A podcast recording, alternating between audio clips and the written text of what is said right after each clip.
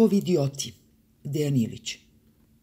Jedina stvar, ali apsolutno jedina stvar oko koje su se svi, ali baš svi širom sveta složili, glasi od COVID-19 oboli se isključivo kontaktom sa zaraženom osobom.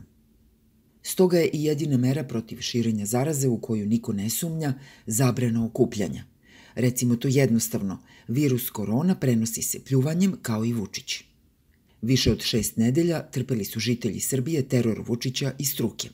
Policijski čas, zabrane kretanja, potpuno ukidanje slobode za starije od 65 ili 70 godina.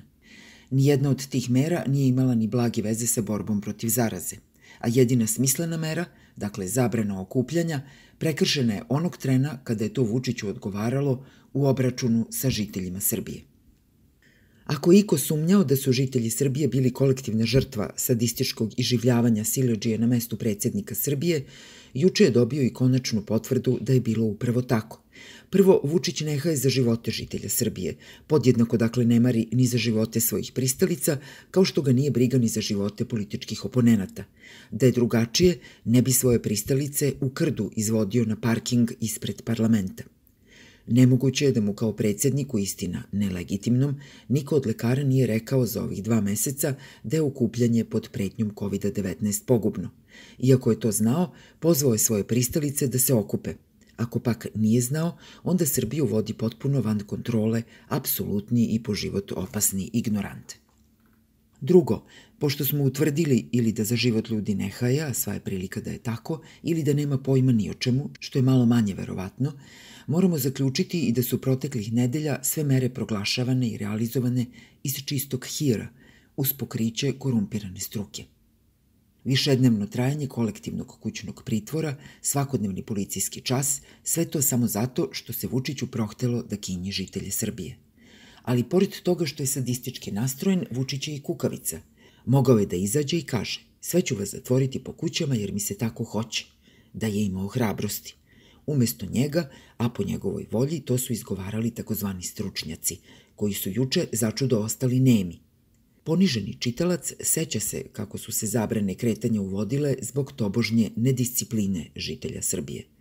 Lekari iz kriznog štaba disciplinovali su nas kao maloumnu decu, a po Vučićevom nalogu da su žitelji Srbije ravnopravni, kao što bi po ustavu morali biti, sada bi po istom principu u zatvor morali da se pošalju svi članovi i simpatizeri novoradikala sa Vučićem na čelu.